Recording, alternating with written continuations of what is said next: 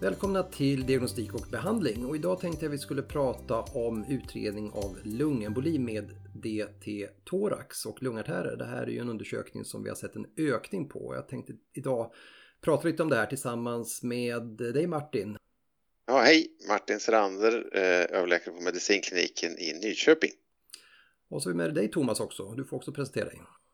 Ja, hej! Thomas Fröding heter jag och är överläkare och radiolog på eh, Nyköpings lasarett.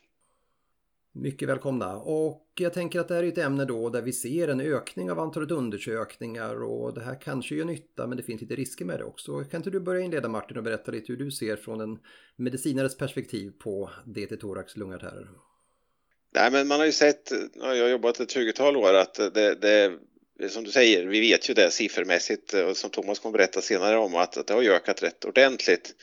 Och jag tror att det, det är flera orsaker till det, att man dels är väl tillgången mycket lättare att få, få till undersökningen helt enkelt. När man började så ringde man alltid bakjouren först och så. Och det, jag har tryckt väldigt mycket också på det här med att, att eh, det är ofta fall som uppmärksammas, eh, anmälningsfall och så som gör att, att lungemboli är en klassisk diagnos som man som medicinare är livrädd för att missa.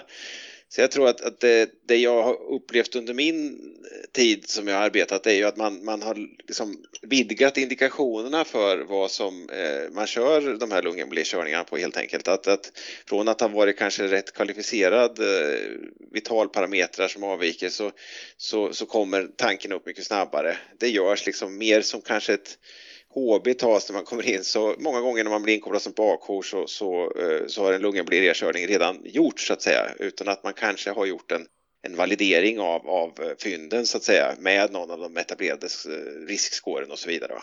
Så att, eh, och sen pratar vi också lite för lite om, om de baksidor vi har med det här med, med lungemboli. Det, det, det, systemet är ju riggat som det är just nu för att man det är lätt att göra mer eh, och vi, vi, det är sällan vi, som, vi, vi uppmärksammar när det går fel. Eh, och det är kanske ofta inte den som beställer lungembolikörningen ser, för det, det är långt senare som de får en blödning av antikoagulantia och så vidare. Så jag tror att det är, en väldigt, det är ett mångfacetterat problem och vi pratade lite grann innan om det här vi startade att, att det här kommer ju på flera områden, att man, man, man ser samma sak. Det är inte unikt för lungembolier att vi kör mer och mer röntgenundersökningar.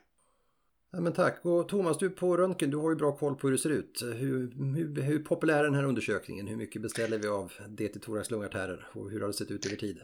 Ja, det är ju en, en väldigt populär undersökning om vi säger så, så. Den har ju ökat om vi tittar tillbaka i tiden sedan 2015 och till dagens datum så har den ökat med 50 procent ungefär i antal det är väl ungefär i paritet med, med den ökning vi ser av, av DT-undersökningar generellt. Undersökningen blir vanligare och vanligare och, och vad är det för problem med det då? Eh, kan man fråga sig. Ja, de problemen är ju många och kanske tydligaste för oss inom radiologin är ju helt enkelt resursproblematiken. Vi gör mer och mer och mer och vi ska hinna med och, och, och ta hand om detta. Eh, det är nog det, det, största problemet vi ser Sen har man ju förstås aspekterna av strålning och jodkontrastmedelsbelastningen som man måste ha med i den här diskussionen.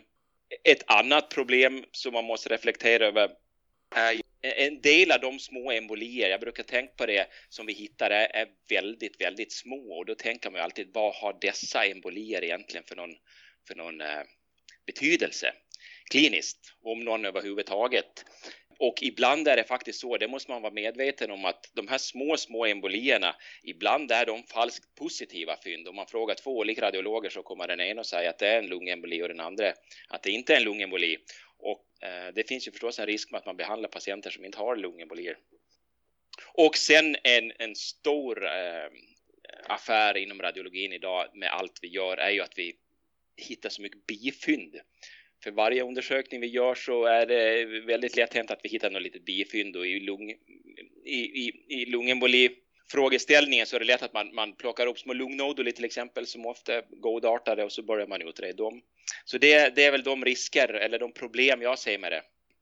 Nej men tack Thomas. Och vi har ju tittat lite översiktligt i Sörmland med diagnoser och det verkar ju som att det är inte så att antalet lungembolier ökar som vi hittar i samma paritet som antalet undersökningar utan det verkar vara en relativt flack kurva där vilket gör att vi gör mer undersökningar utan att hitta så många fler lungembolier som jag förstår och några av de här lungembolierna är ju precis som du säger Thomas ganska små där vi ibland hamnar i lite dilemma hur man ska tänka kring behandling. Och för Martin, vad ser du för problem med det här att vi, vi gör fler undersökningar kopplat? Du nämnde några, några problem i början där dels är det ju en del, många gånger har vi väldigt gamla multisjuka patienter och, och de kanske har en lunginflammation och, och, det är nästan omöjligt att utesluta en lungemboli där och, och, då kan vi lätt hitta några små proppar eller Thomas och hans kollegor hittar små proppar och så sätter vi in behandling och vi vet ju inte egentligen hur pass vanligt det är på lunginflammation att man har mindre proppar och huruvida liksom, de behöver behandling eller inte, det vet vi ju inte.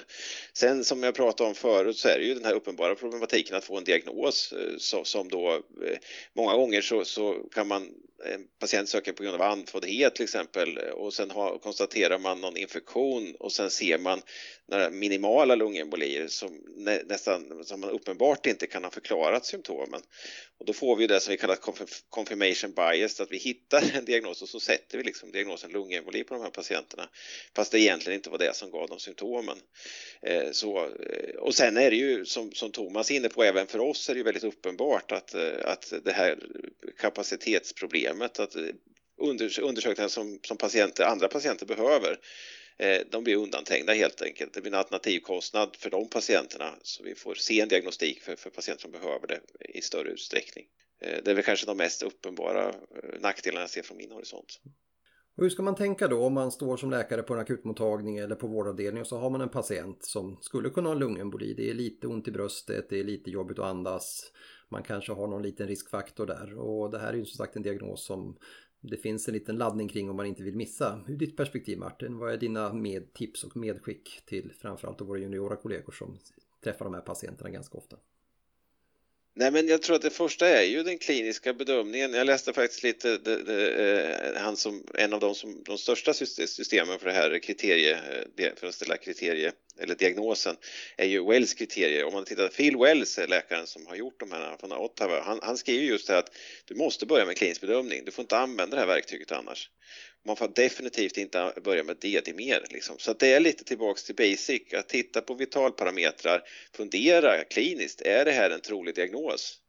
Sen tycker jag att, att om man använder eyeballing och använder de här, liksom, det är ju oftast liksom vitalparametrar, riskfaktorer för lungembolicitet i de här riskstratifieringsverktygen eh, man kan använda och om man använder det liksom spontant eller via ett strat, eh, riskstratifieringsverktyg det spelar ju egentligen inte så stor roll men att man faktiskt använder det och, och har det som stöd för att avstå också ibland.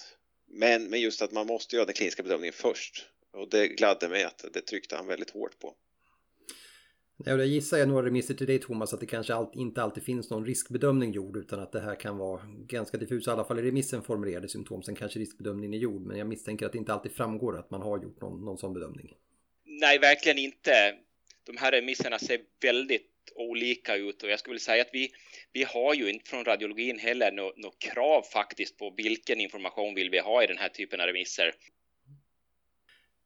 Vad tänker ni då kring den här att vi ser ökning? Det här är inte bara inom det till lungartär vi ser en ökning, vi ser det på många andra radiologiska undersökningar också. Hur ska vi tänka framöver? Är det bara så att vi ska köpa flera DT-maskiner till Thomas här och någon MR-kamera till? Eller hur, vad, vad tror ni? Hur, hur, kan, vi, kan vi och ska vi vända den här trenden med ökade undersökningar? Nej, men jag tror att vi, vi behöver hitta, ändra strukturen lite grann just nu är strukturerna väldigt uppbyggda kring att vi ska göra mer. Vi, vi blir fällda om vi inte gör tillräckligt. Vi får aldrig liksom någonting på oss att vi har gjort för mycket.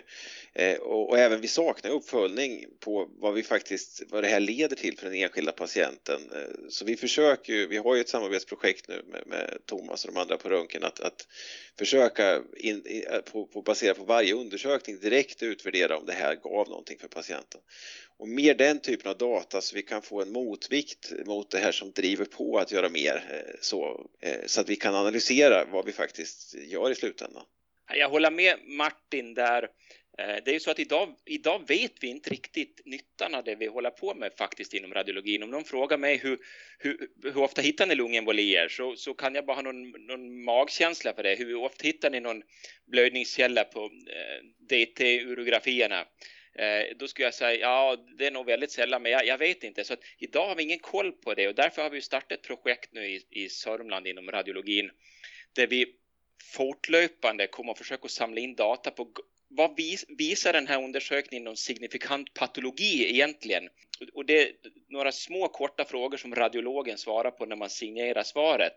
Och sen kan vi samla in den datan fortlöpande på ett tydligt sätt, se hur ofta hittar vi egentligen någonting med det stora utbud av undersökningar vi har. Och så kanske man kan identifiera undersökningar som sällan visar något som man kanske kan anse ha ett lågt värde och framförallt som Martin var in på, man kan ju se glidningar då. Va?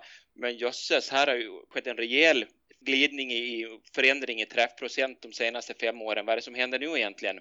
Så det tror vi och hoppas kommer att bli ett eh, väldigt värdefullt verktyg. För idag vet vi ju inte riktigt hur ofta vi hittar något någonting på våra undersökningar och hur värdefulla de är. Någonting annat ni vill tillägga och skicka med till våra lyssnare idag? Jag tänker så här att eh, till våra yngre kollegor att kontakta gärna bakjouren och föra en diskussion lite mer frikostigt kanske och få en äldre kollega och lägga sina aspekter på det här innan, innan ni skickar iväg remissen för lungembolikörning. Bra tillägg. Bra, det var ett bra medskick. Tack så jättemycket för dagens samtal. Tack så mycket. Tack. Tack.